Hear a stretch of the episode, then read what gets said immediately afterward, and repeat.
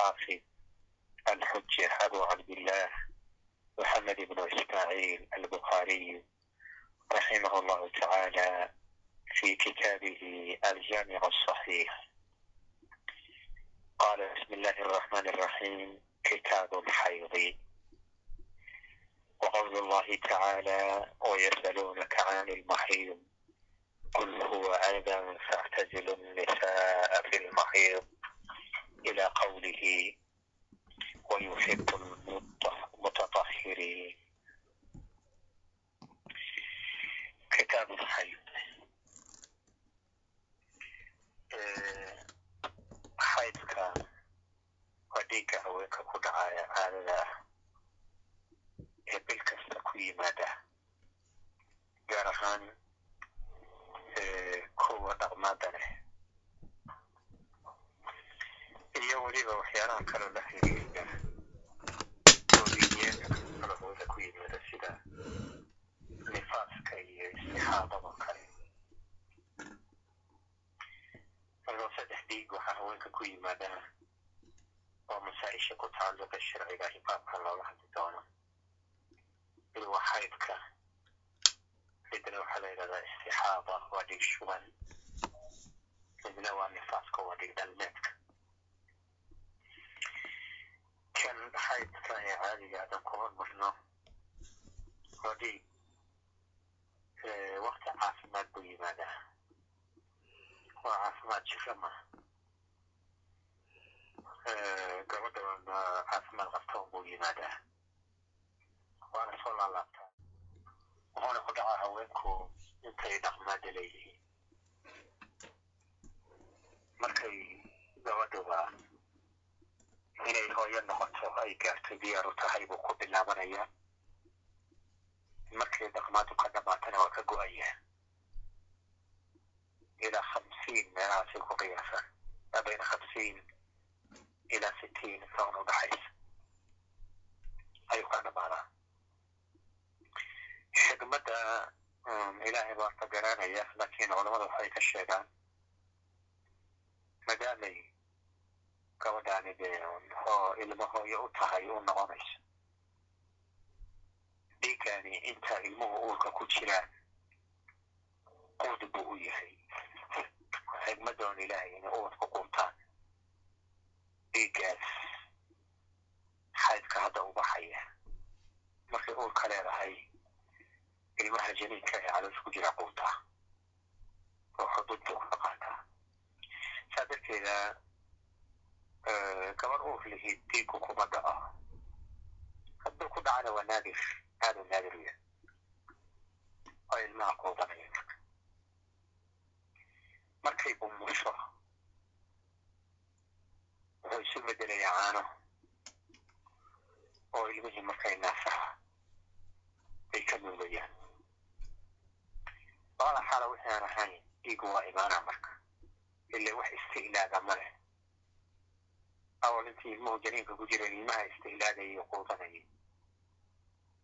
markay irmaanka tahay ilmaha nuujinaysana dee caanihii caano isu rogayo aan dariiqisadii ayaa ilmuhu ka quudanayay markayna uurna lahayn nuujinaynin markaa wiya marka markuu socda oo imaanaya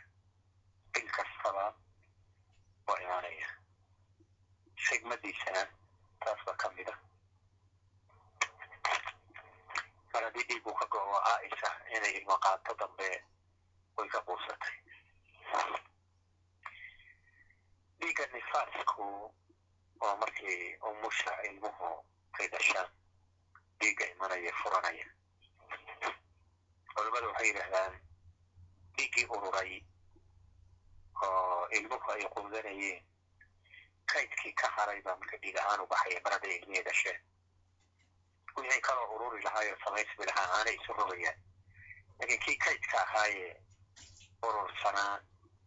ayaa markaa wuxuu baxayaa dhiigga ahaan u baxayaa dhiig dhalmeedka dhiigga istixaadadu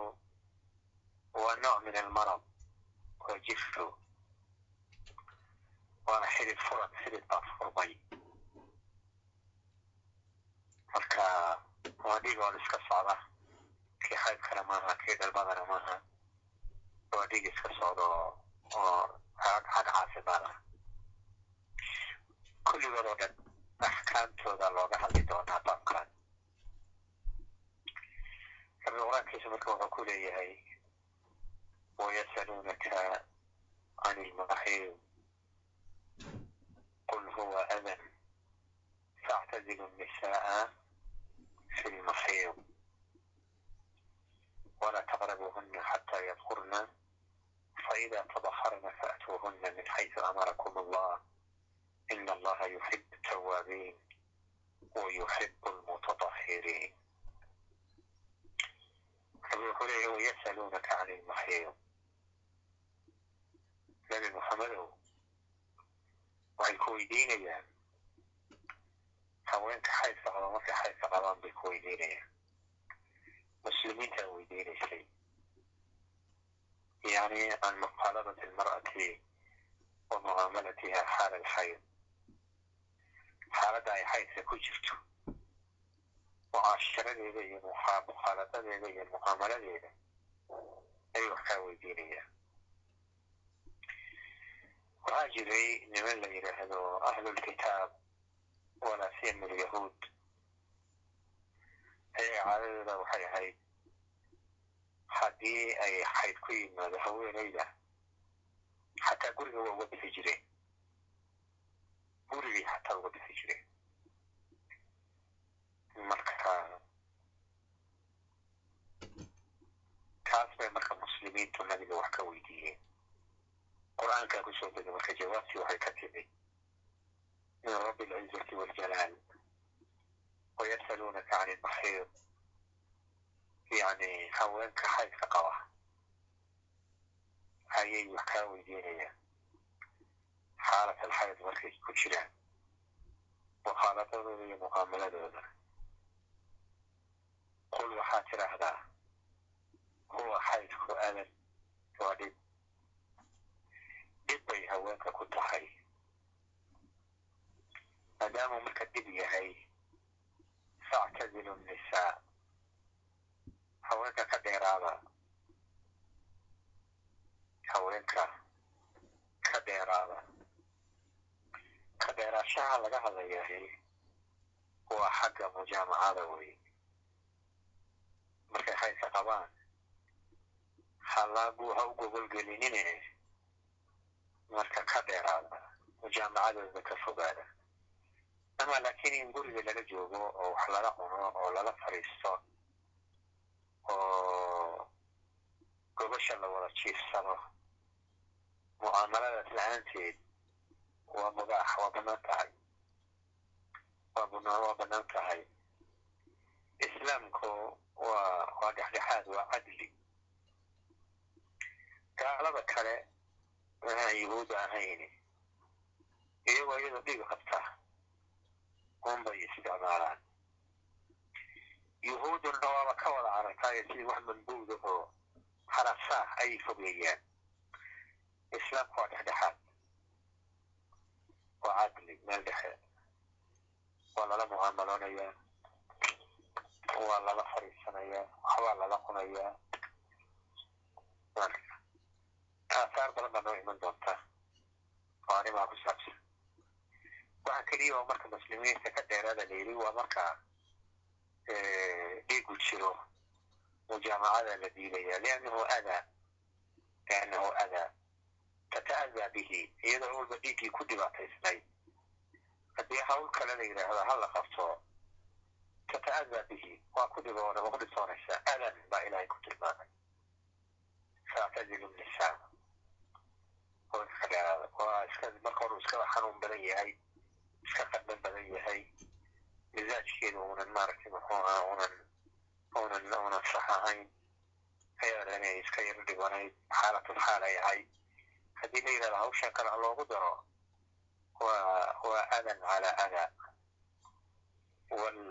dararka iyo dhibkana waa la zuulayaa sharcan oo darar yuzaal waa qaacida sharciya factazilu nisaaa fi lmaxiid intay haydka ku jiraan ka dheeraada walaa taqrabuuhuna ha u dhowaanina yani ha u dhowaanina waxaa laga wadaa ha jamaacimina xataa yadhurna ilaa ay daahir ay daahir noqdaanna dhiigu ka go'o markuu dhiigu ka go'anay markaa maydhato faidaa tadaharna hadday maydhtaan dahaarada dambe xataa yadhurnaba hore waa dhiigu inuu go'o faidaa tadaharna hadday dahaaro qaataan oo markay ka maydhtaan dhiiggii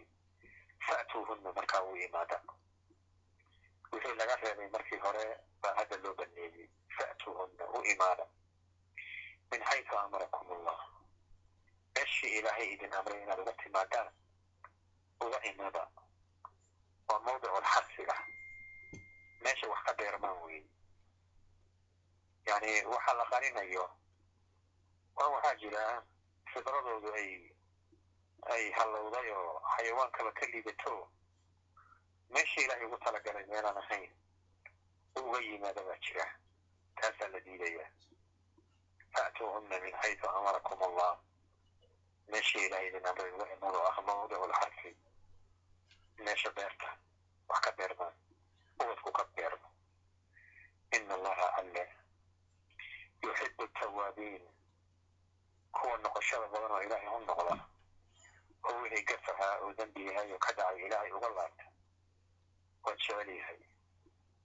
Wa yuxibu lmutadahiriin kuwa mutadahiriinta isdahira oo dahaarada jecel oo waxyaalaha khabadka aada uga fogaada dhinac kastaba ila meeshii mawdicu xarsiga meelaan ahayn waa khabas weeye waa nijaasaysan yahay marka meeshaas oo kale ha aadimine ilaahayna u laabta isla dahira nacam aayadaas soo degtay marka aayaddu waxay ka mid tahay adilada iyo aayadaha asalka u ah axkaamu alxayd iyo wa qowlu nabiyi sala allahu alayhi wasalama hadalkii nabiga uu yidhi hada shayun katabahu allahu calaa banaati aadam kani waa shay rabbi uu qoray oo rabbi ku abuuray calaa banaati aadam aadam ubadkiisii ee gabdhihiisa banaati aadam banaati aadam naam waa ilaahay ku qoray sidaabaa nabigu yiri sala allahu alayh wasalam yani waxa ilaahay ku qoray weeye calaa banaati aadam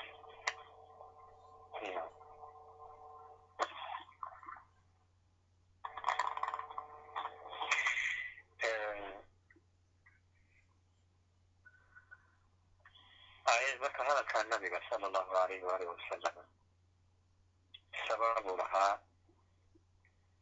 xajat lwadaac ayaa ayaa waxaa jiray caaisha dadkii nabiga la soo xajiyey ka mid ahayd markii loo soo dhowaaday maka umrana way soo xiratay ayaa waxaa ku dhacay xaydkii ayadoo ka ooyeysa ka xun buu nabigu u yimi markaa buu nabigu ku yidhi hada shayun kataba allahu calaa banaati aadam kani waa shay ilaahay uu ku waajibiyo ku qoray calaa banaati aadam aadam gabdhihiisa ilaahay ku qoray hadalkaas nabiga marka waxaan ka fahmaynaa ilaahay lanuba ku abuurayba mundu khalaqahuna allah markii ilaahay abuuray maaragta banaati aadam inuu xayd kaba lagula abuuray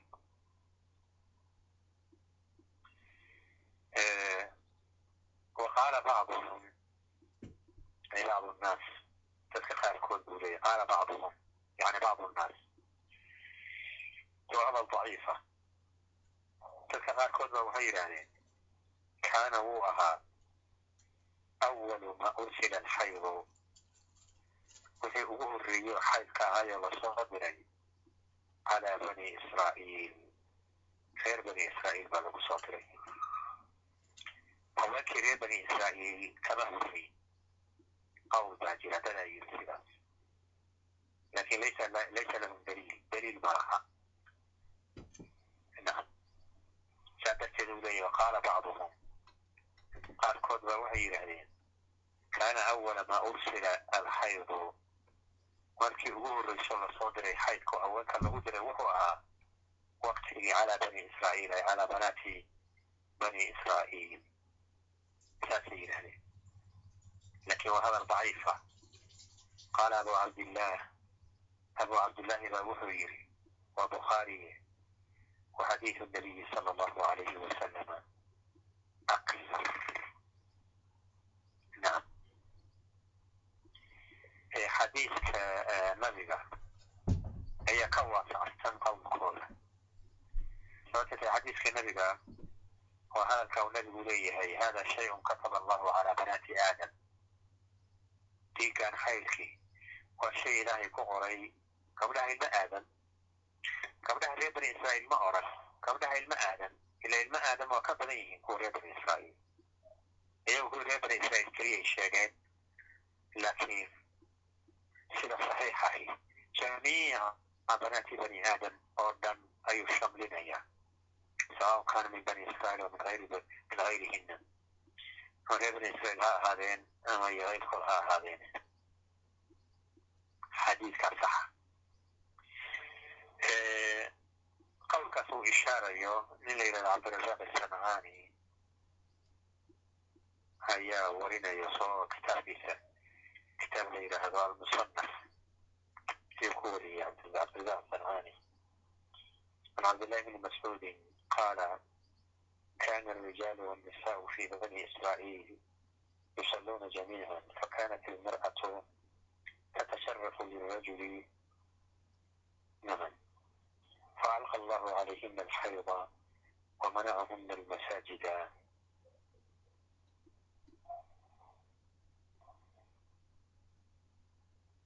dhinac reer bani israa'iil ragga iyo haweenku way wada tukan jireen marka naaguhu nimankay istusi jireen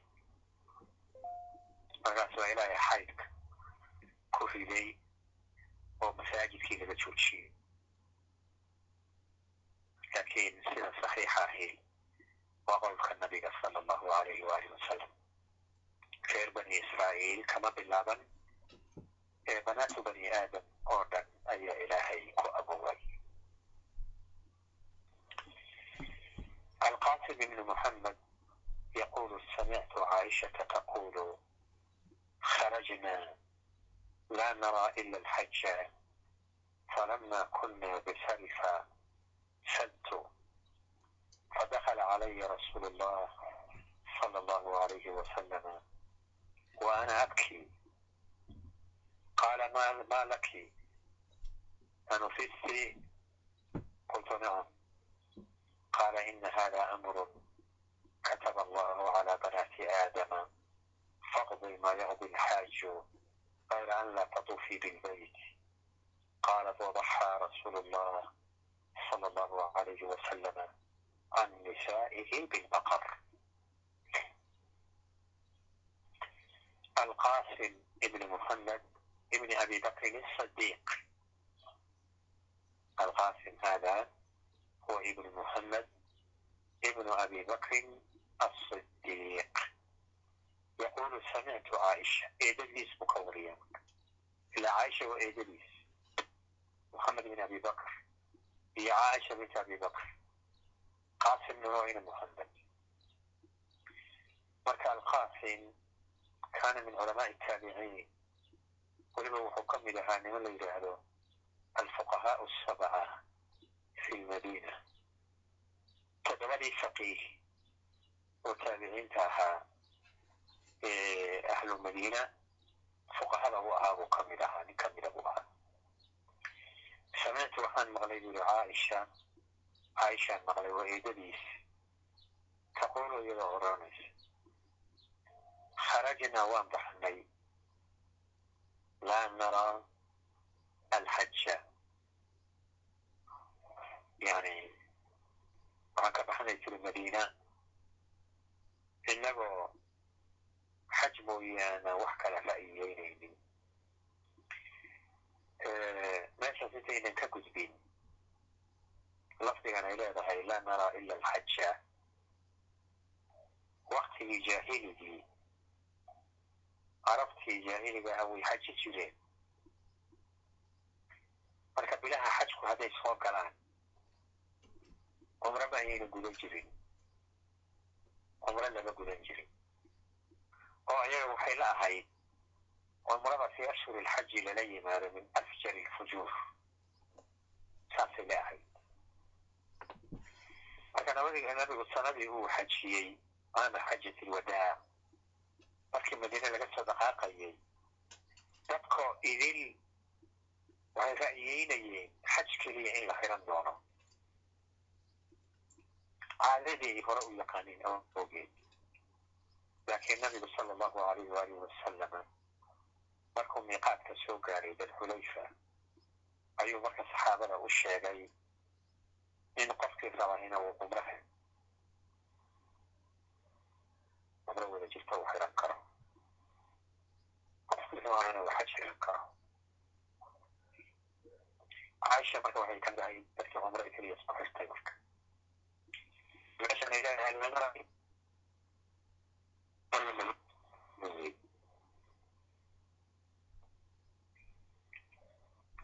Markii hore oy madiine ka baxayeen ayay u jeedaa intaanu nabigu u sheegin sala allahu alayhi waalihi wasalam marka waxay tiri waa la soo xirtay iyadoo dadka cumrada soo xirtay ka mid ahayd falama kuna bisarifa meesha sarif la yidhaahdo. Markaa markaanu marayno xadtu xaydkii baynu dhacay sarif waa meel maka u dhow taqriiban adigu labaatan kiilo meelahaas wax ka yar bay u jirtaa labaatan kiilo wax ka yar bay u jirtaa adigu labaatan kiilo meelahaas labaatan kilomitr taqriiban meeshaas markaan soo gaarnay tiri waa soo dhawaadeen markay soo dhawaadeen labaatan kiilo wax ka yar baa haray. Falama kuna bisarifa xidtu halkaa markaan marayo baa xaydkii igu yimid bay tiri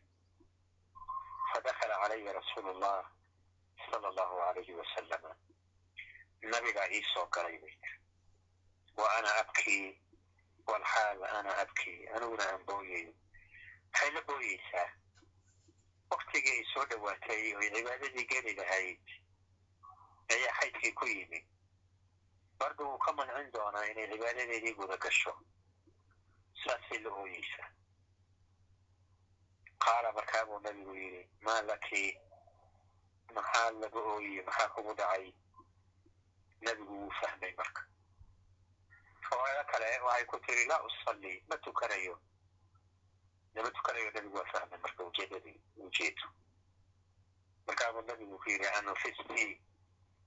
miyaa lagu dhig shubay oo xaydka marmarka qaarkood nifaas baa lagu magacaabaa. Maadaama uu ka wada dhexeeyo dhig wada soconayo shumaya oo yahay. Anufisti miyaa lagu dhig shubay oo xaydkiibaa kugu yimid. Qultu waxaan bay tiri nacam haa qaala markaabuu nabigu yidhi isagoo xaraarada iyo kulaylka iyo iyo murugta haya ka ka dejinaya. Ayuu yidhi ina haada xaydkaani amrun amar weeye meeshay riwaayadii hore shay un ahayd amrun amar weeye katabahu allah ilaahay uu qoray calaa banaati aadam aadam gabdhihiisa buu ilaahay ku qoray waa lagama maarmaan waa wax imaanaya laa maxiida canhu meel looga maata la heli maayo waa jiraya waxba marka aan ka welwelin faqdi gudo maa yaqdi lxaajo xaajigu wuxuu gudanayo gudo gayra an laa taduufii bilbayt laakiin ma dawaafaysid baytka ma dawaafaysid xajkeedii ma burin ixraamkeedu xaydku ma burinayo waa u xiran yahay. Acmaashiina way u furan tahay wixii aan dawaaf ahayn iyo wixii dawaafka ku xiran sida sacyiga iyo wixii lamida ah. ila sacyigu bacda dawaafi saxiix buu dhacaa waa saxaa marka waxaa haajigu samaynayo dhan samee ayra an laa taduufi bilbayt laakiin baytka ha dawaafin idan marka gabadha xaydka qabta dawaafku waa ka xaaraan. Salaaduna waa ka xaaraan. Eh, Soonkuna waa ka xaaraan. Muxuu ahaa? Zawjkeyduna waa ka xaaraan. Yani mjaamacada laga hadlaya. Ayr an laa taduufi bilbayt ilaa ay ka daahir noqoto. Markay daahir noqoto ba dawaafi marka. Laakiin amaasha kaleto dhan waa gudanaya musdalifay baryaysaa miina yihi muhanaysaa timihiibay jaranaysaa waa goynaysaa waa xalaaloobaysaa dagaxtuurkii bay tuuranaysaa amaashii xajkoodii iyo mashaacirtii way la iman laakiin kacbada ma dawaafayso qaala waxay tiri caaisha wabaxaa rasuulu llahi sala allahu alayhi wasalama can nisaa'ihi bilbaqar nabigu maalintii ciida haweenkii nabiga wuxuu udxiye uga qaray neef lo'ah neef lo'a buu uga qaray. Bal hadyi ahaanna waa uga qaray. Hadyi ahaanna waa uga qaray. Hadyiga marka la yidhaahdo way soo way soo xajiyeen oo kulligood oo idil ama mutamaticiin ay ahaayeen. Caaisha mooye oo iyadoo garaan ahayd dhiig baa ka wada waajibaya. Marka baqar buu ka qalay marka haddii maalinta ay tahay. Haddii kale udxiyadii kaloo caadiga ahayd ayay ahayd oo haweenkiisii oo idil oo qoysas kala duwan ahaa ayuu udxiya uga qalay neef lo ah. Udxiyadu neef aryaha ku filan qoyskao dhan neef arya ayaa ku filan qoyskao dhan haddii neef ishkina laga qalo geliya lo laga qalana waa afdal waa ka sii fadli badan tahay inkastoo neefa neefka kale ka heli badan yahay uu ka sii nefli badan yahayba ajarka iyo sawaabku waa ka badan yahay udxiyadu waajibi maaha laakiin hadyigu waa waajib qad yakunu waajiban waqad yakunu mustacaban hadyiga hadduu tamatuc iyo qiraan yahay waa waajib nacam haddii uunan ahayna waa tadawuc la soo kaxeeyey oo la fulinayo xadiidkan marka laba tahay masalaba oo ka faa'iidaysanay xaydku reer bani israa'iil inuuna ka soo bilaabane oo weligii jiray oo banaatu bani aadam ilaahay ku qoray waa ka faa'iidaysanay axkaamta ka laazimaysa xaydka qaar ka midana waa ka faa'iidaysanay oo ah xurmatu dawaaf bilbayt gabadha xaydka qabta inayna kacbada dawaafaynin xaaraan ay ka tahay baabu gasli lxaa'idi ra'sa zawjiha wa tarjiilihi baabu gasli lxaa'idi xaaidada xaydka qabtahay maydida ay mayrayso ra'sa zawjiha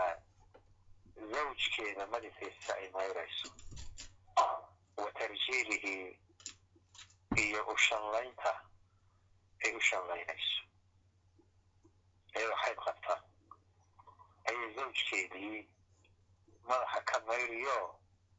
ka nadiifin oo weliba u shanlayn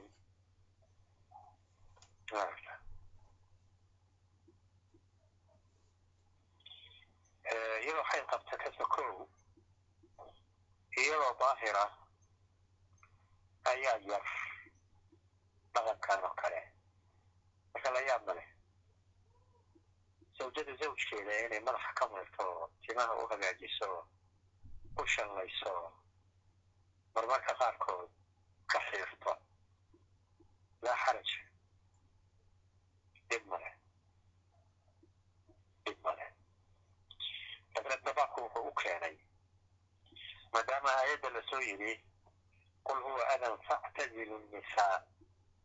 haweenkii ka dheeraada ka dheeraashahaasi macnaheedu ma. Aha kulligeed ka dheerow waxa taaban inay najaaso tahay maaha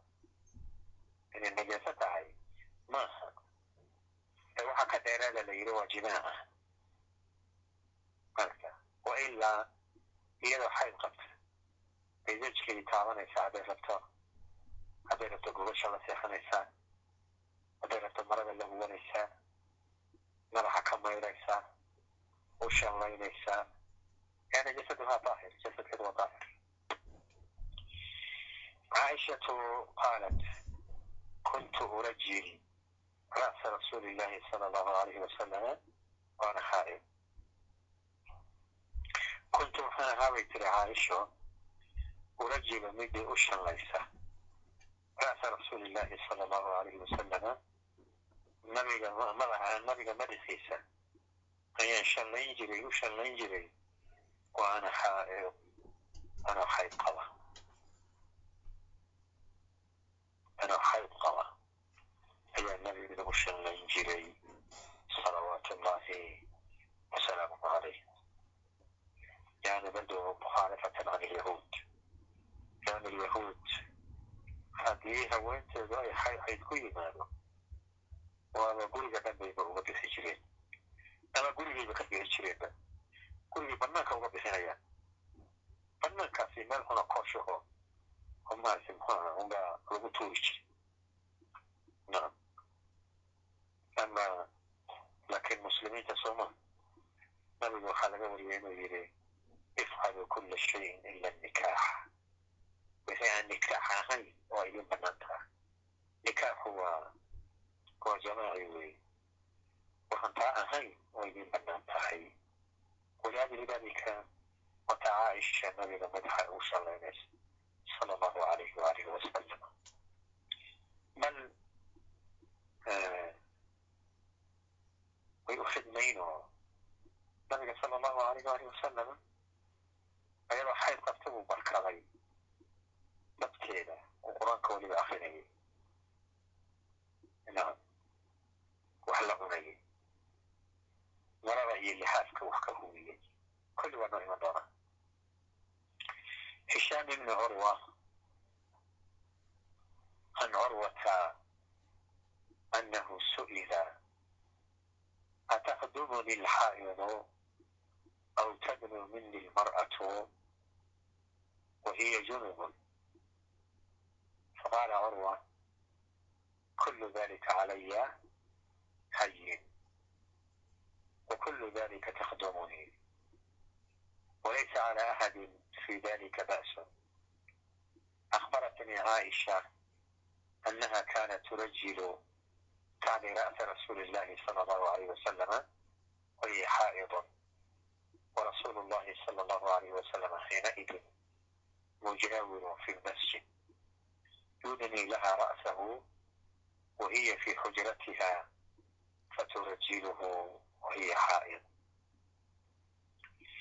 هشام بن عروة بن الزبير وتابعية عن عروة عروة كورنية عروة وأبيه وعروة بن الزبير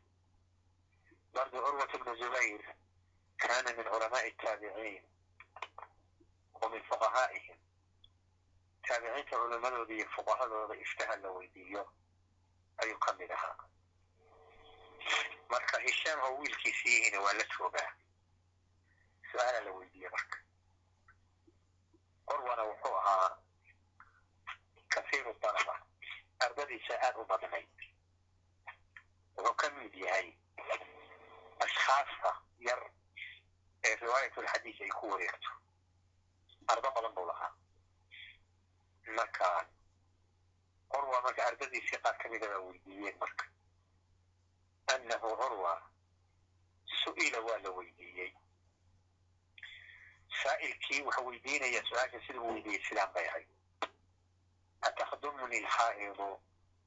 aw tadnu mini almar'atu wa hiya junubun atakhdumuni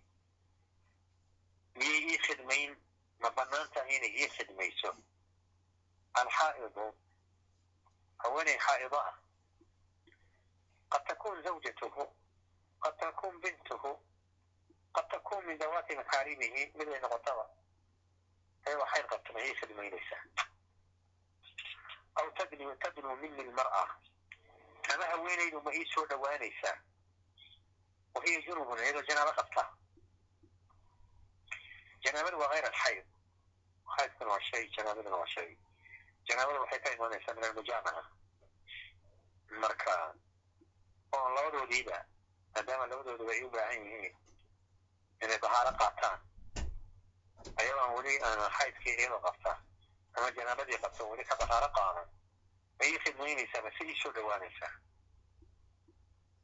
in ardadiisii ka midana su'aashaan weydiiyo curwa curwa marka jawaabay faqaala curwa curwa wuxuu yidhi kullu dalika labada arrimoodood sheegtay oo khidmada iyo dhawaashaha ahba calaya aniga dushayda hayino aad bay u sahlan tahay waa wax fududoo sahlan yani muxuu ka kinayoonayaa ay afcal cidaxayd qabtigii fidmaysaa iyada janaabo qabtigii soo dhawaataa dhibna iguma hayso laa xaraj هو سيدا وليه لأنه عنده عنده علم عنده علم بذلك علم وليه وكل ذلك علي هين كل ذلك علي هين وكل ذلك تخدمني وكل ذلك متكسر من الحائض إياه مد جنابة لقد جنوب كأهبة taqdumuni way ii khidmaysaa ayada waxay qabtay ii khidmaysaa iyadoo maaragtay muxuu ahaa janaaba qabtay ii idan marka labada ishaaro fiiri kullu dalika iyo kullu dalik kullu dalikada hore dalikadu waxay ishaaraysaa kullu dalika min alkhidmati wadunuwi khidmada iyo dhawaashuhuba calaya hayinin wa kullu dalika mid kastoo min alxaa'idi waaljunubi mida xaa'idada iyo mid janaabada qabtaayba qabtaaba taqdumuni wayay khidmaysa walaysa calى axad axad dushiisana ma ahaanin fi dalika arrintaas oo inay xaa'idadu u khidmayso ama ii soo dhowaato iyo midda janaabada qabtaaba midka qofna qofna ba'sun ba's kuma aha. Aniga keligay mooye dadkoo dhan ba wax dhiba ma laha. Ayadoo xayd qabtay u khidmayn iyadoo janaabo qabtay u imaan u soo dhowaan wahaakada marka ninka la yidhahdo curwat ibnu zubayr aan ra'yihi miyuu ka leeyahay mise cindahu cilmun can inabiyi sala allahu alayh waali wasalam ra'yigiisuu ka jawaabaya mise cilmiguu hayaayo buu nabigii ka hayaa cilmiguu ka hayaa akhbaratnii caaisha caaisha waxay ii sheegtay. Waa habaryartii inuu hooyadii la dhalatay. Curwat ibnu zubayr hooyadiis asmaa bint abi bakrin asidiiq caaishana waa caaisha bint abi bakrin asidiiq idan caaisha ukta ummihi weeye ukta ummihi waa habaryartii habaryartii buu ka warinaya marka waa curwa akhbaratnii caaisha caaisha ii sheegtay annaha caaisha kaanad inay ahayd turajilu mid u shallaysa tacni ra'sa rasuuli illahi sala allahu alayh wasalam nabiga bay u jeedaa nabiga madaxiisa bay u shallayn jirtay wahiya iyadoo xaa'idoo xayd qabta warasuulu llahi sala allahu alayhi wasalam rasuulka ilaahayna xiina idin marka ay u shallaynaysay mujaawirun fi lmasjid masjidku muctakif ku ahaa mujaawir bimacnaa muctakif muctakif buu ahaa fi lmasjidi masaajidka dhexdiisa yudnii lahaa ra'sahu madaxiisu u dhoweynayey caaisha u dhoweynayey wa hiya iyadoo fii xujratihaa qolkeeda ku jirta faturajiluhu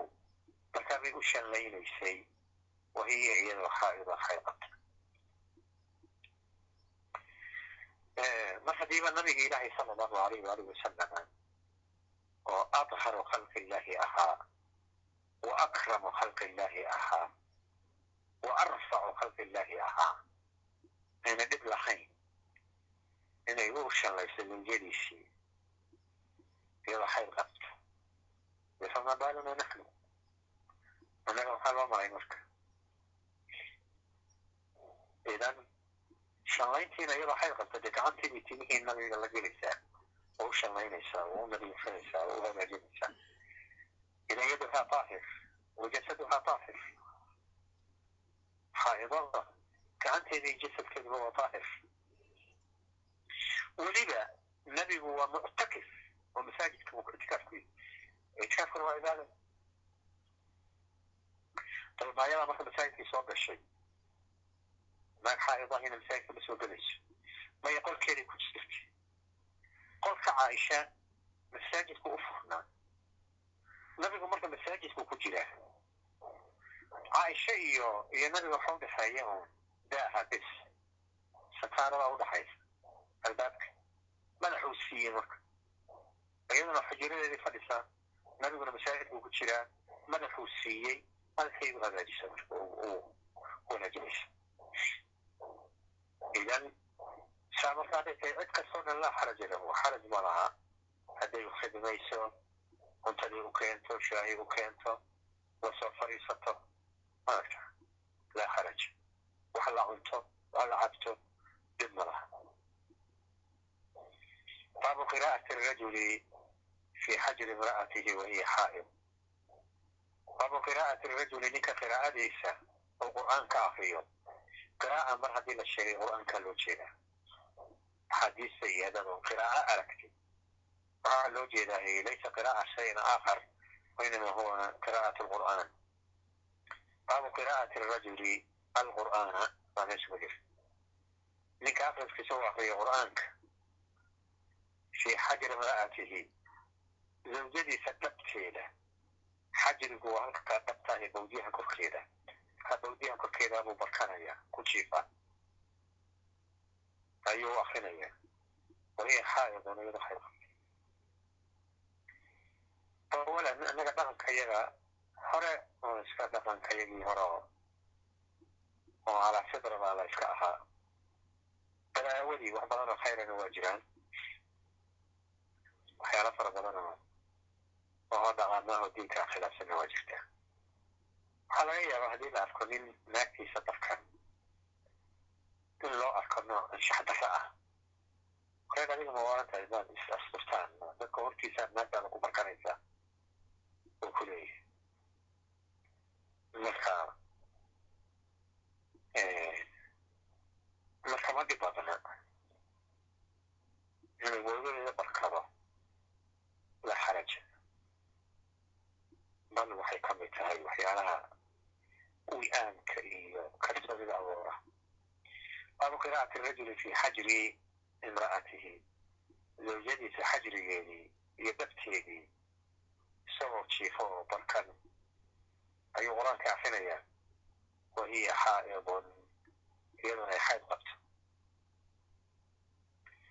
Wa kaana abu wa'ilin يرسل khadimuhu وهي xaa'idun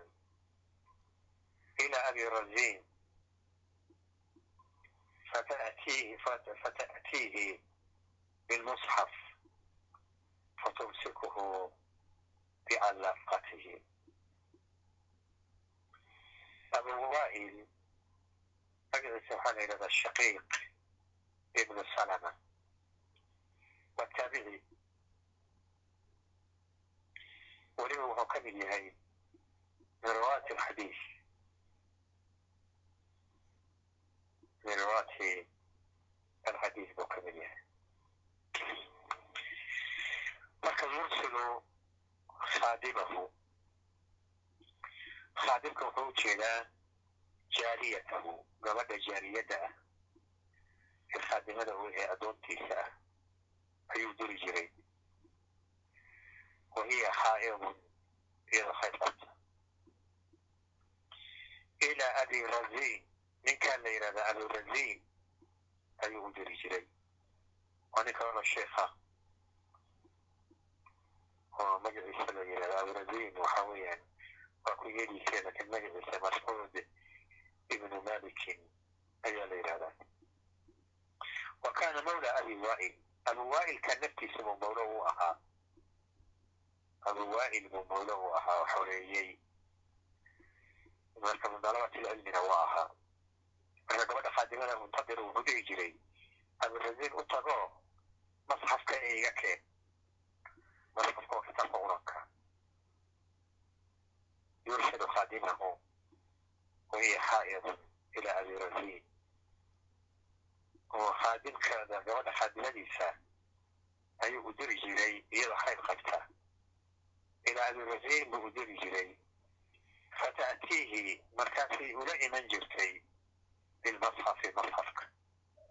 masxafkay ka soo qaadi jirtay oy u keeni jirtay waya xaa'id xaa'id xaydo xaa'ido wey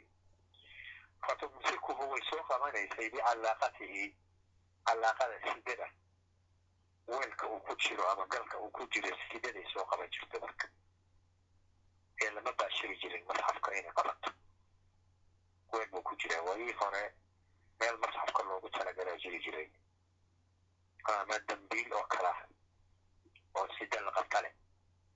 amaba sidaan anagu hadda soo gaarnay waxaa loo samayn jiray gal la geliyo kitaabka oo sida la qabta leh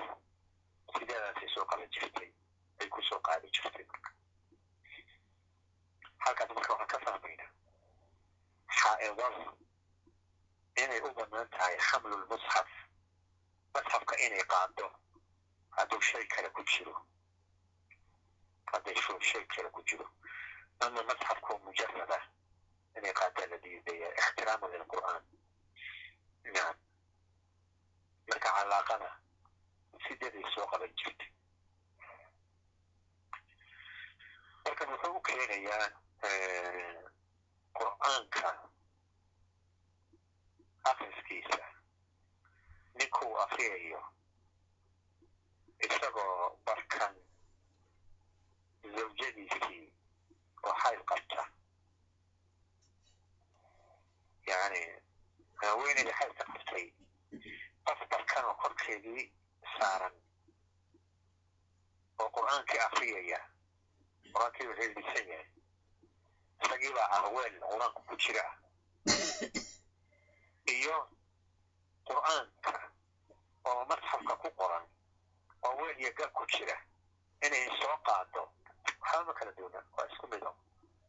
saasuu ka wadaa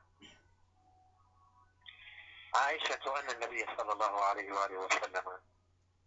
kana yartakibu fi xajrii wa ana xaa'id suma yaqra'u lqur'aan caaisha waxay leedahay kaana wuu ahaa. Yartakibu fi xajrii yani yadacu ra'sahu fi xajrii madaxayga madaxiisa ayuu dhabtayda saari jiray oo barkan jiray. Wa ana aniguna xaa'idoonaan ahay mid khayr qabta uma yaqra'u markaabuu akriyayay nabigu alqur'aan qur'aanka buu akriyayay riwaayad kale waxay ahayd kaana yaqra'u alqur'aana wa ra'suhu fi xajrii wa ana xaa'id nabigu wuxuu ahaa kii qur'aanka akriya madaxiisuna uu xajrigayga yahay yani lafdigii ahaa kaana yattaki'u riwaayada dambaa fasiraysa kaana yaqra'u lqur'aan wara'suhu fi xajri madaxiisuna uu dhartayda yahay dhartayda saaran yahay. Wa ana taaiba aniguna aan khayr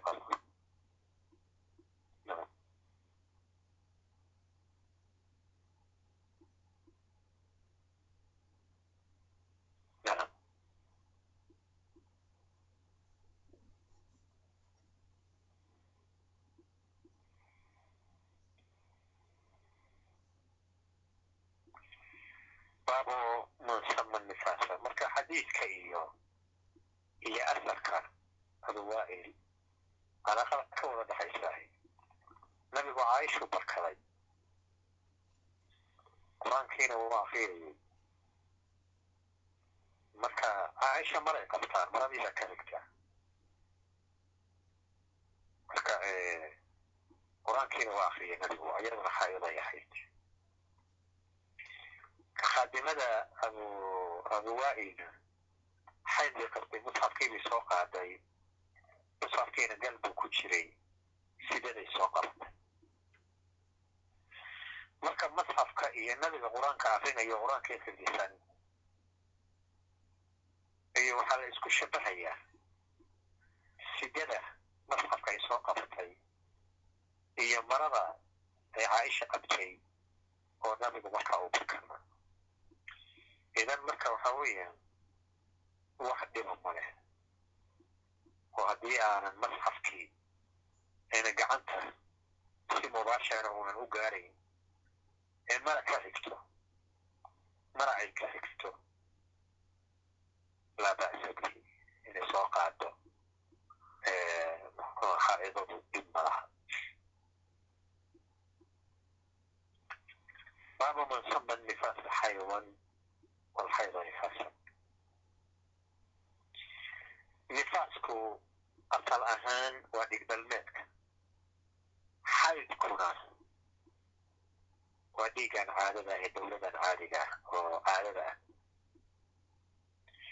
laakiin marmarka qaarkood magacyada way kala amaahdaan oo nifaaskiiyo dhigdalmeed ah ayaa marmarka qaarkood xayd la odran xaydkiiyo caadadii ahna marmarka qaarkood nifaas la odran waxa ka wada dhexeeyahina labadooduba waa dhiig wada socdoo shumayo weyo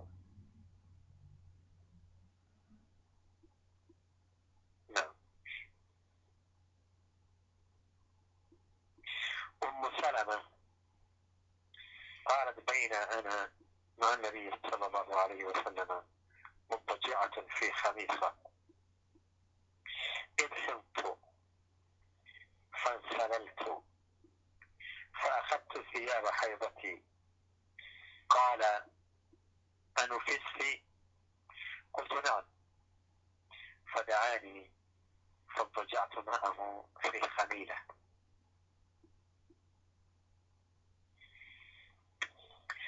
أم سلمة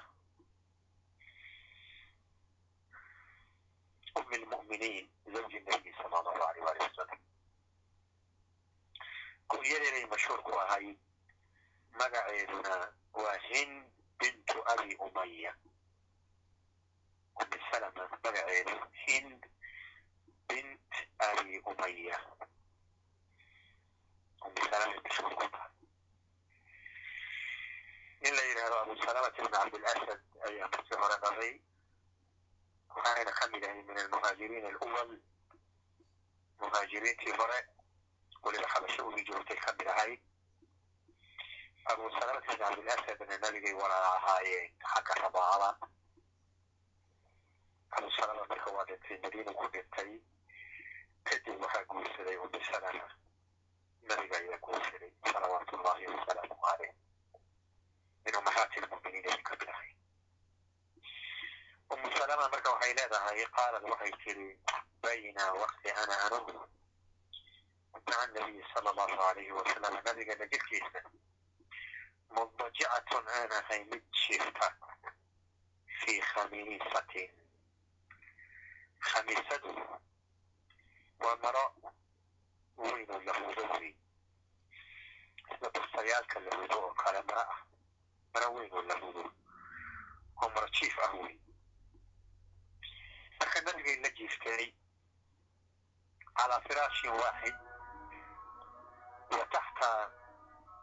khamiisatin waaxida hal firaashay wada jiifeen hal marana way wada hunaayeen waa zawjadiisii in xibtu markaabaa xaydkii igu yimid ilaa xaydkaani mar uu iman doono waa sigaado adoo jiifadu gogoshi buu gogoshu ugu iman karta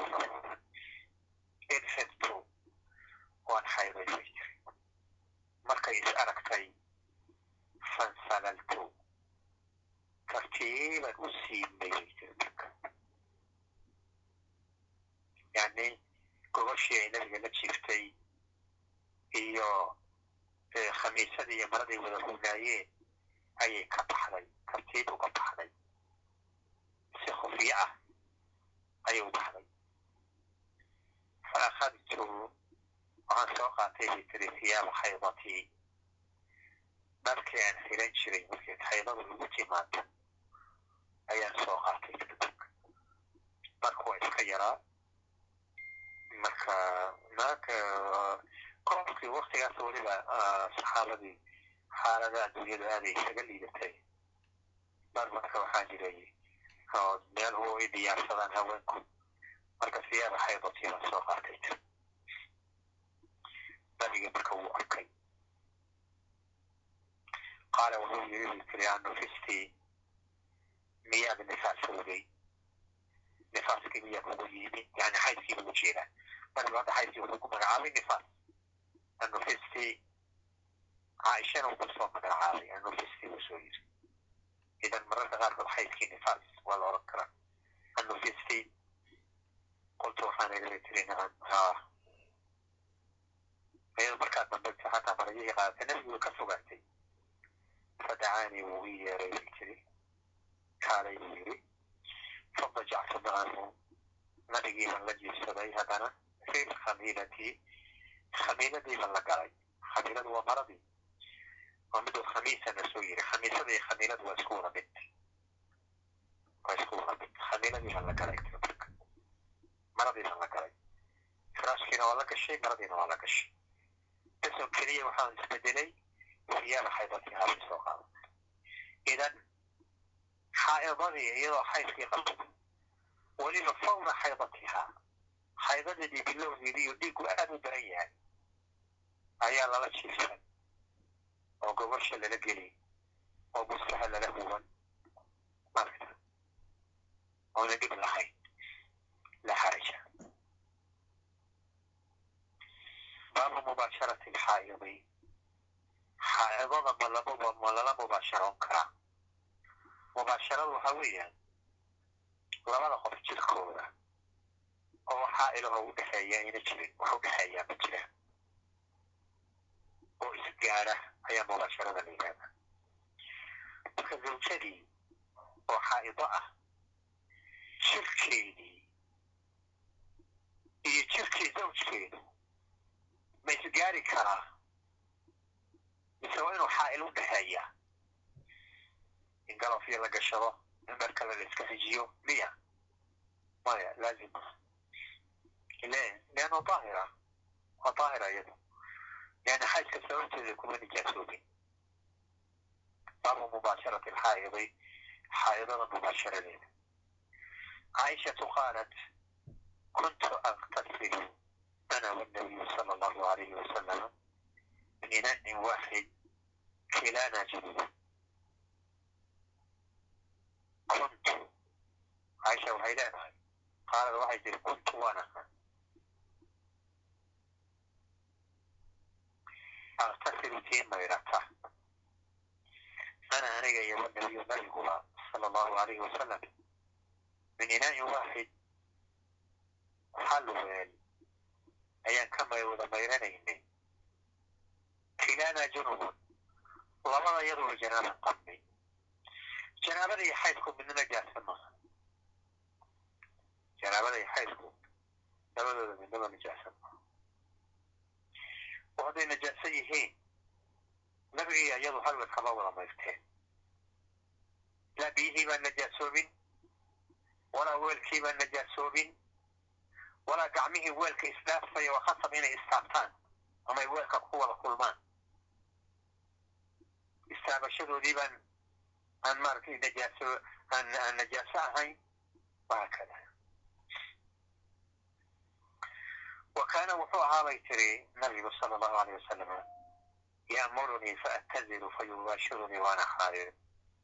wa kaana nabigu wuxuu ahaa sala allahu alayh wasalam ya'murunii kii i amra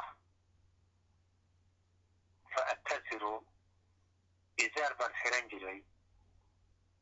fa yubashirunii markaabuu ila mubaasharoon jiray oo jidka iyagu istaagan jiray wa ana aniguna xaa'idunaan ahay mid xayd qabta wa kaana wuxuu ahaa nabigu sala allahu alayh wasalama yukhriju ra'sahu madaxiisa kii soo bixiya ilaya aniga wa huwa nabigu muctakifun ictikaafsan fa arsiluhu markaasaan mayrayay madaxa wa ana xaa'idun anuu xaa'id ah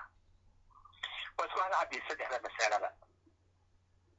saddex mas'alo. Ayay xadiidku ku kulmisa waa masalada koowaade nabiga iyo iyadoo janaabada waa qaba ayaa wada mayran jiray. Waliba min inaa'in waaxidin bay ka wada mayran jiray kitaab lgusli buu nagu soo maray masaladaasi idan laa ba'sa zawjka iyo zawjadiisu inay wada mayrtaan macan fi makaanin waaxid iyagoo wada jira hal meela inay ku wada mayrtaan laa xaraja xasaasiyana malaha wa kaana ya'murunii masalada labaad wa kaana ya'murunii wa kaana wuxuu ahaa nabigu ya'murunii kii amra ay cinda isaabatiha muha cinda isaabati alxaydi marka xaydku ku yimaado oo xaydku u asiibo markaana wuxuu ahaa kii amra muxuu amri jiray an tattazira inay izyaar xirato izyaarku waa intaa dhexda ah wixii lagu xiro wey ama gogolo bidix ama izaar kaloo maro kaloo dhexda lagu xiray ha noqoto ama uun wax uun qayb qayqaaba ee qaybta hoose ilaa jilbaha laga gaaro wax astura markaasaan fa attaziru markaabaan izaar xira jiray bit fa yubashiruni markaasuu ila mubaashiroon jiray yani qaarka hore qaarka hore kaana yubashir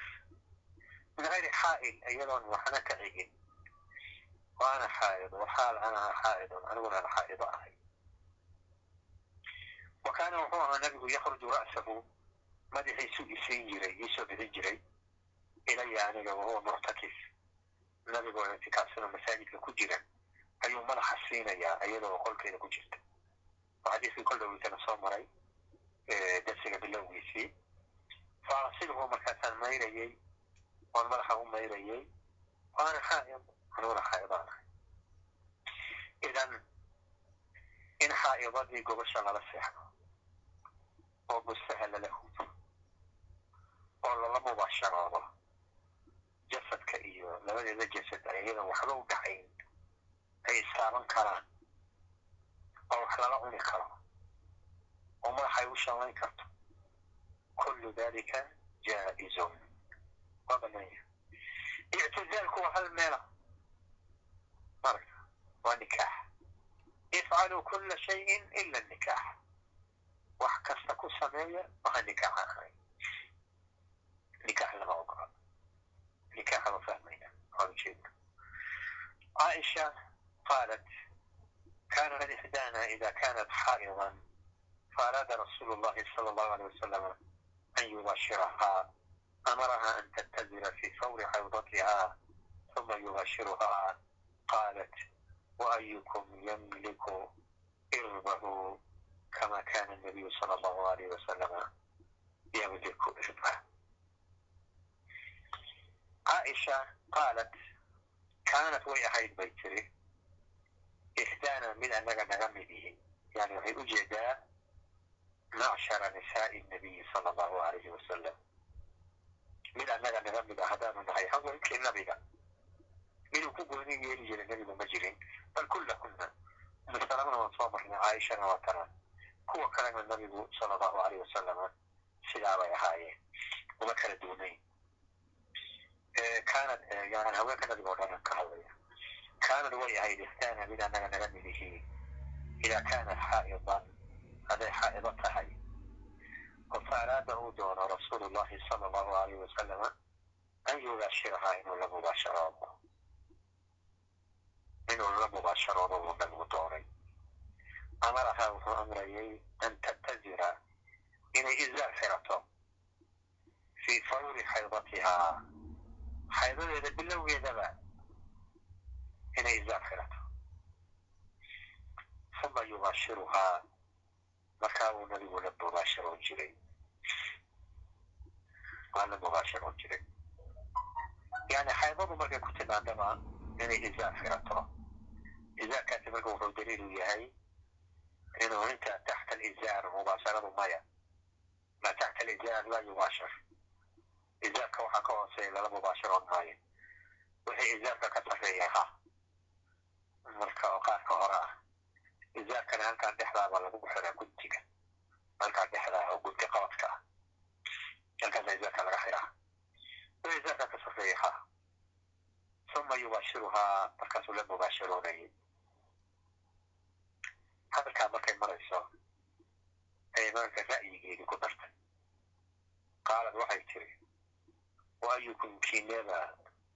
yamliku hananaya irbahu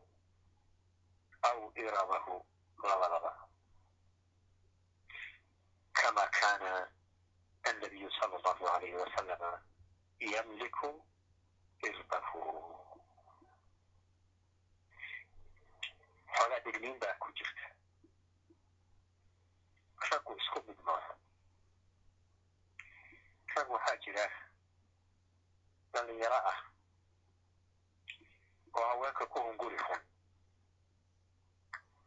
oo sabarkiisu yar yahay oo haddii qadiyadaas albaabka labada dhinacba la furo laga yaabo marka hore inuu tarakhas ruqsaysto. Dabadeedna uu naftiisii henan kari waayo uu xaaraantii ku dhaco iyadiiyo xayd qabta. Uu dusha kaga meero aa suuragala. Saas darteeda bay marka waxay leedahay ruksada albaabada albaabka labadiisa dhinac lahaa furinine intabihu nabigoo kale ma tihidine saas bay marka waxay tiri waayukum kiineba yamliku hananaya irbahu ay xaajatahu min annisaa xaajada ka u haysa haweenta haweenka u haysa ninka qaban kare xakamayn karahoo adinka idinka midihi waayo kama kana nabiyu sala allahu alayhi wasalama yamliku bilba sida nabigu uu ahaa mid isagu hanta haddaynaan sidii nabiga adnan u hanan karaynin isdhawra marka oo inaad xaaraan ku dhacdaan arrintaa intaad ku dawar socdaan oo albaabka labada fidqada furtaan xaaraanta ha ku dhicinina saasay ka wadaa radia allahu tacaala canha wa hada min min rajaxati fiqhiha wa caqligeeda iyo iyo fiqigeeda sida u ballaarnaayu kutusin dad badan waxaa jira khalaas haddii marka hore ay arrintu iska tarakhus iyo tataabasho ay ku bilaabanaysa laakiin marka dambe uu naftiisa celin waayo marka xaaraantii ku dhaco waa badan tahay walaa siyama dhalinyarada walaa siyama kuwa guurku u dhow yahay cabdullahi bnu shadaad qaala samictu maymunata taqulu kana rasuulu llahi sala allahu alayhi wasalam ida araada an yubaashira imra'ata min nisaa'ihi amaraha faاtazarat wahiya xaa'idun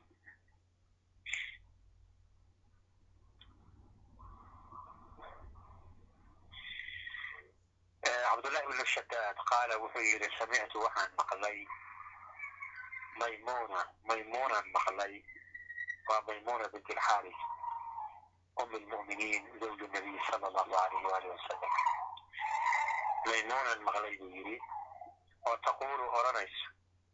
kaana rasuulu llahi sala allahu alayhi wasalama rasuulka ilaahay wuxuu ahaa idaa araada hadduu doono an yubaashira imra'atan min nisaa'ihi inuu la mubaasharoodo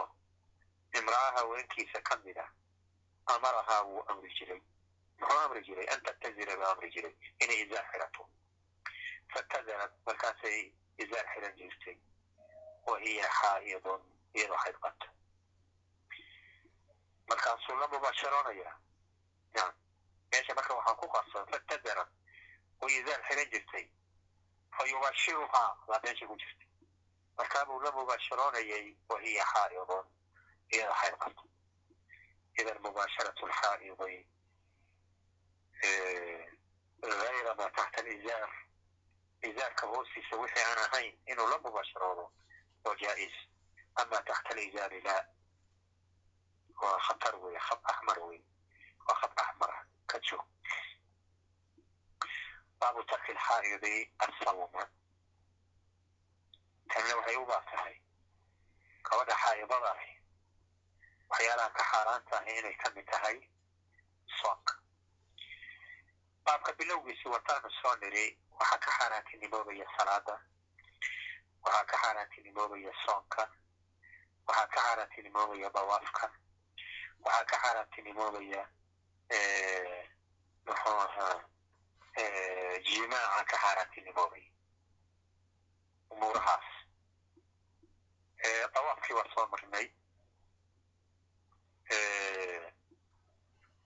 Jamaacana waa ayadana inkastoo ayna si hadda mubaasha sariix ah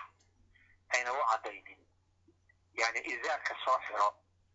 hoos gutiga soo xiroda nabigu uu amrayo sala allahu aleyh wasalam oo cadam ljimaaca waa oo inaan la jimaaci karaynin oo aan mubaasharo la ogolayn ma taxta alizaar izaarka waxa ka hooseeya qur'aankana waa ku soo marnay qur'aankiina waa ku soo marnay sunnadiina waa ishaaro inaan ma taxta alizaar meelaha lala maaragtay iyo xadiidkii ay tiri waayukum ymliku irbahu kama kana nabiyu sala la alay slam ymliku irba buurahaasna waxay ku tusinayaan eh, eh, dhagxay qorta inaan la jamaaci karin soonkiina waa kala khida. Baabu tarkis alxaa'idi asawma ay fi ayaami khaydatiha maalmaha xaydku hayowmi. Abu saciid alkhudriyu قال خرج رسول الله صلى الله عليه وسلم في أضحى أو فطر إلى المصلى فمر على النساء فقال يا معشر النساء تصدقنا فإني رأيتكن أكثر أهل النار أعوذ بالله من النار وحال أهل النار فقلنا وبما يا رسول الله قال تكثرنا اللعنة وتكفرنا العشير ما رأيت من إخاب عقل ودين أذهب للب الرجل الحازم من إحداكن قلنا وما نقصان ديننا وعقلنا يا رسول الله قال عليك شهادة المرأة مثل نصف شهادة الرجل قلنا بلى قال فذلك من نقصان عقلها أليس إذا حاضت لم تصلي ولم تصم قلنا بلى قال فذلك من نقصان دينها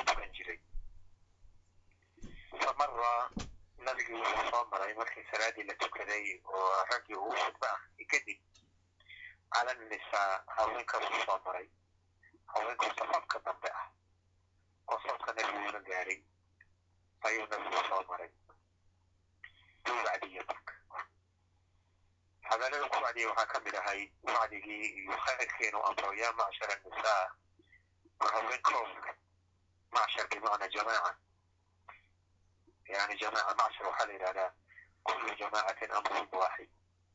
jamaaco kastoo amarkooda waaxid mid yahay baa macshar la yidhahda marka haweenkii waa jamaaco waana jamaaco shanigooda uu midaysan yahay ya macshar annisaa warhaweenka jamaacadoodow tasadaqna wax sadaqaysta fa innii anigu ra'aytukuna waan idin arkay akthara ahli nnaar ahlu naarka intoodu badan balahayde waxaa naarta gelaya waxa ugu badnaa waxay ahaayeen haween nabiga waxbaa la tusay aayado badan baa la tusaa jannadii naartiiba waa la tusay dadkii gelayana waa la tusay dad uu yaqaano iyo dad uunan aqoonba waxyaala badan nabigu arkay nacuudu billahi min annaari waxaali ahli nnaar naarna ilaahay baa laga magan galaa waana lagu dadaalaa wixii naarkaa ilaaliya aad baa loogu dadaalaa waxyaalaha dadka naarta ka ilaaliya oo naarta looga dhowsadana sadaqadaa ka mid a nacam ittaqu naara walow bishiqi tamra siduu nabigu yiri haweenkiibu sidaa ku yiri haweenka keliya uma dhahna raggana waa u dhahan yahay wax kasta oo naar looga dhowsado qofkoodu la yimaado karaankiisa intay leeg tahay oo sadaqadu ay ka midtay kolka tahay tasadaqna fa inii ra'aytukuna akthara ahli nnaar. qulna waxay yidhaahdeen walima yaa rasuul allah sababtu maxay tahay noo badisay ragina rag iyo haween baa ahlu naar waa yidhaan waa yihiin qosaad kastaahi waa ahlu naar qosaad kastaahi waa ahlu marka waxyaalahay weydiinayaan waxaa waa kasrada limaada haweenku ay uga badan yihiin marka ay u badan yihiin ahlu naarka ma ragay ka badan yihiin arrintu waa sidee laba arrimood buu sheegay marka nabiga sala allahu alayhi waalihi wasalam qaala wuxuu yidhi nabigu tudkirna allahna habaarkaad badisaan habaarka ayaa badiseen habaarkiina badan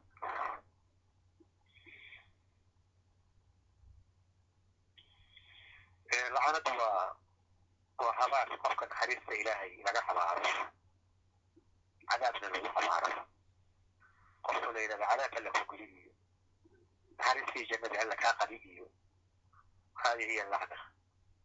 alibcaad can raxmat illah naxariista ilaahay oo qofka laga dheereeyo lagu habaaro dabeecada tawakulka way way jiraan oo dabeecadu bini aadamka way ku badan tahay laakiin haweenka u sii badan. Liannahum ducafaa qaliila sabri. Waa sabar yar yihiin. Wax yarun basiid ah. Hadday dhibsato inay nafteeda iyo ilmaheeda iyo gurigeeda iyo xoolaheeda iyo waxba dhan habaarta suuragala raguna waa jiraan kuwaas marka ciladaasuu nabigu sheegay ilaahay naxariistiisa waasica in qof laga habaarana shumnigeedu qof ka habaaramayo buu ku soo noqonayaa. Taa la ogaado habaarku waa shumi habaarku waa shumi marka carabkaaga weligaa ha uga caada yeeli. Weligaa carabkaaga ha uga caada yeeli waxaana dhici karta wakti samadu furan tahay oo wixii ilaahay la weydiisto ilaahay u aqbalo inaad waafaqtid marka xataa waxay laga yaabto hadday aragto ba ay hoogay bay oran. Yani waxay ka mid tahay meesha dacfigooda bay ka mid tahay. Marka tugsirina lacna taasi waa sifo keeni karta naarta inay ku jiido nacuudu billahi min dalik wa takfurna alcashiir cashiirkana waad ku kufraysaa cashiirka loo jeedahi waa zawjka ay ixsaanu zawj bini aadamka ilahi subxana watacaala oo ku dabeeceeyey oo dabci wanaagsan ah qof hadduu ixsaan kuu galo waa looga amal celiyaa waa looga amal celiya waxaad ugu amal gud hadaleyso waa loo duceeya waa lagu amaanaa amalkaada ma gudi karo amaal badan baad igu leedahay wax badan baad ii samaystay saa ma yidhahda qofkii amal kuu galo waana diin adigu markaad ixsaan samaynaysaa lagugu ammaano iyo ama aa u samayn maysid laakiin haddii lagugu lagu ixsaan faro ixsaanka ka ixsaanka ka amaan celi waman ataa ilaykum bimacruufin fakaafi'uun sidaas buu nabigu leeyahy sala allahu alayh waali wasalam qofkii macruuf iyo wanaag yimaada u amaan celiye cid loo amaan celiyana ilaahay ba u xaqnimo badan allahu awlaa dabadeed rasuulka ilaahay sala allahu alayh waali wasalam dabadeed intii ixsaan ku gashay zawjku marka wuxuu ka mid yahay waxyaalaha ixsaankiisu uu badan yahay. Calaa zawjatihi. Yani umu awlaadihi oo shariikatu xayaatihi ah waxba way iska jiraan adille ah laakiin waxa uu ka socdo o dhan oo ka imanayna kulli waa wada ixsaan un wey xuquuqdeedii inuu ilaaliyo gurigeedii ilaaliyo karaamadeedii ilaaliyo awlaadeedii ilaaliyo. Asturo yani ixsaankiisu waa badan yahay. Zawjka ixsaankiisu waa badan yahay. Sida iyadu waa ixsaan ugu leedahay isaga. Marka waxaa haaliban mida haddii uun ixsaanku marka dambe nolosha uu ka mid noqdo waa la iska hilmaamaa qiimihiisa iyo qadarkiisaba waa la hilmaamaa haweenka marka waxa u sii dheeriyaa hilmaanka ka sokow waad dhici kartaa waa laba qof oo nololi dhex wadaagtee nololi u dhaxayse waa dhici kartaa darf min duruufi xayaatihima wakti un xayaatadooda ka mid a inay wax dhex maraan wax dhibihii dhex maraan waxaa dhibka ah marka haweenka dhan way hilmaansiiyeen intooda badan. Dhibkaa yare halka mar dhacay. Wax allaala wixii ixsaanka ahaayoo dhan bay hilmaansiineen wixii aan maqlay wixii iila yaabka badnaa waxay ahayd. Weliba gabar wadaadahay oo diinka wax ka garanayso ahlu wadaadahay ayaa hinaas baa galay ninkiibay waxay ka dareentay inuu gabdho kale raaraadinayo waana mawduuca ugu daran oo ugu dhibka badan way hinaastay marka markaasba waxaa laga soo sheegay inay tiri waa ninkeedii oo laga yaabo fii darfin min aduruuf wakti waktiyaalaha ka mid ahaa wanaaggii soo dhex maray waxa ay asaga ka jeclaan lahayd adduunka oon janno ahayn inayna jiri lahayn mararka qaarkood ay soo mareen noloshaas oo kale markaasaa waxaa ka timid war ah maanta cadaabka ilaahay iyo hebel mid doono haddii la yidhahdo cadaabka ilaahay baan doonan lahaa waa war weyn weeye ilaahay ha ka dhaafo ilaahay ha ka dhaafo gabdhuhu marka yayna taas oo kale marka waa mida nabigu ka waaninayo marka wa takfurna alcashiir wax allaala wixii soo dhex marayo wanaagga ahaa xusuustii way ka baxeen marka marka ixsaankii oo lagu la qariyo waa ismi.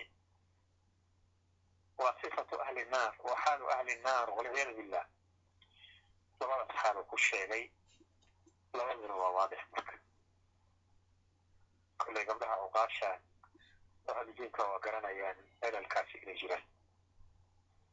laakiin raxmatullahi awsac min dalika sadaqada iyo istikfaarta sadaqada iyo istikfaarta markaasuu nabigu haddana wuxuu raaciyey maa ra'aytu min naaqisaati caqlin wa diinin rajuli lxaamil maa ra'aytu ma arag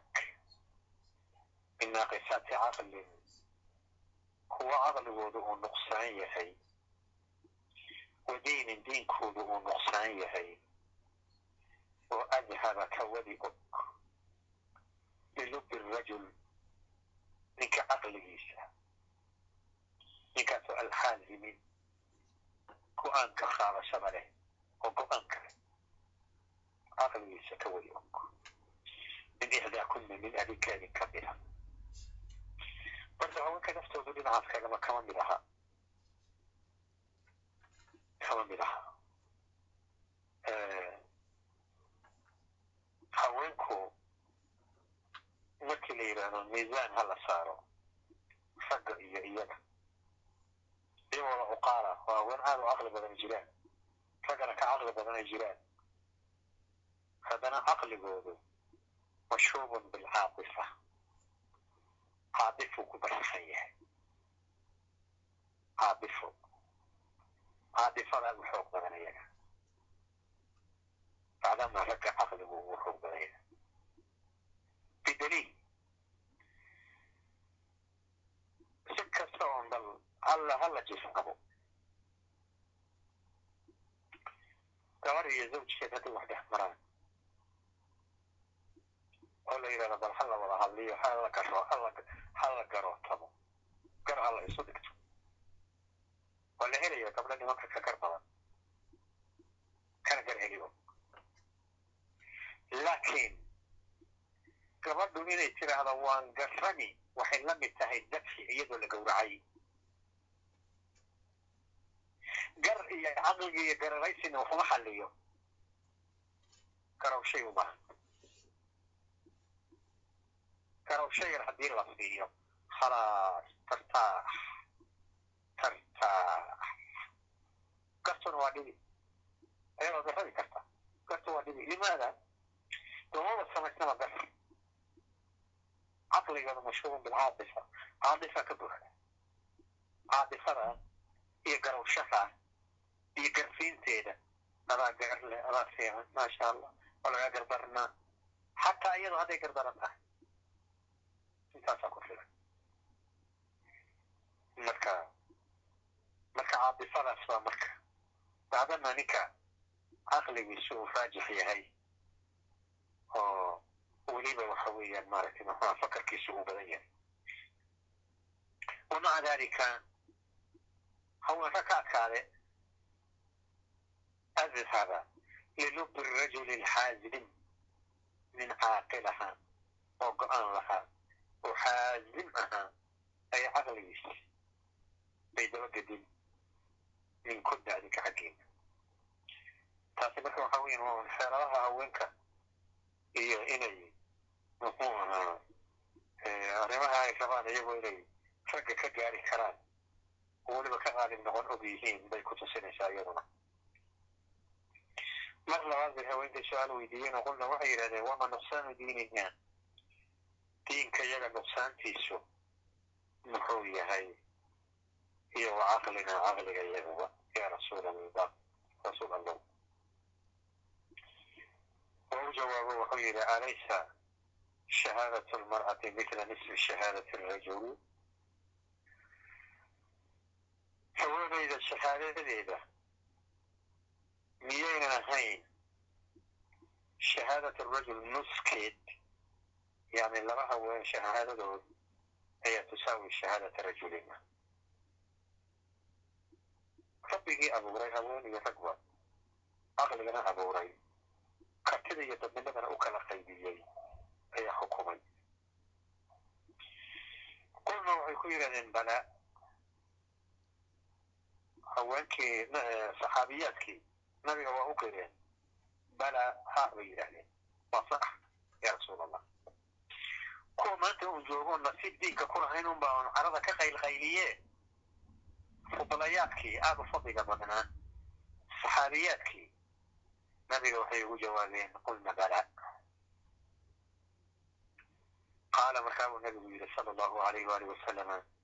fadaliki min nuqsaani caqlihaa waa caqligeeda nuqsaantiisa weyn alaysa idaa xaadad lam tusalli walam tasum miyaynan ahayn haddii xayd ku yimaado midaan soomin oon salaadin qolna waxay yidhahdeen bala ha ya rasuul allah markaabuu nabigu yidhi fadaliki min nuqsaani diiniha diinkeeda nuqsaantiisuna wataas xayaatadeeda qayb ka mid ah laa tusalli walaa tasuum walaa taduuf bacdamaa rajulka laxadaadkiisoo idil ay u furan tahay cibaadadu marka cibaadadeedi waxaa gashay nuqsaan meel aanan marka lagaba filayn ayuu nabigu sala allahu alayh waalihi wasalama wax ka tusaaleeyey muhimku xadiidka aan u soo qaadanay waxay ahayd lafdigana alaysa idaa xaabad lam tusalli walam tasum alxaa'idu laa tusalli walaa tasum nabiguna wuxuu ku fasiray inay nuqsaan addiin tahay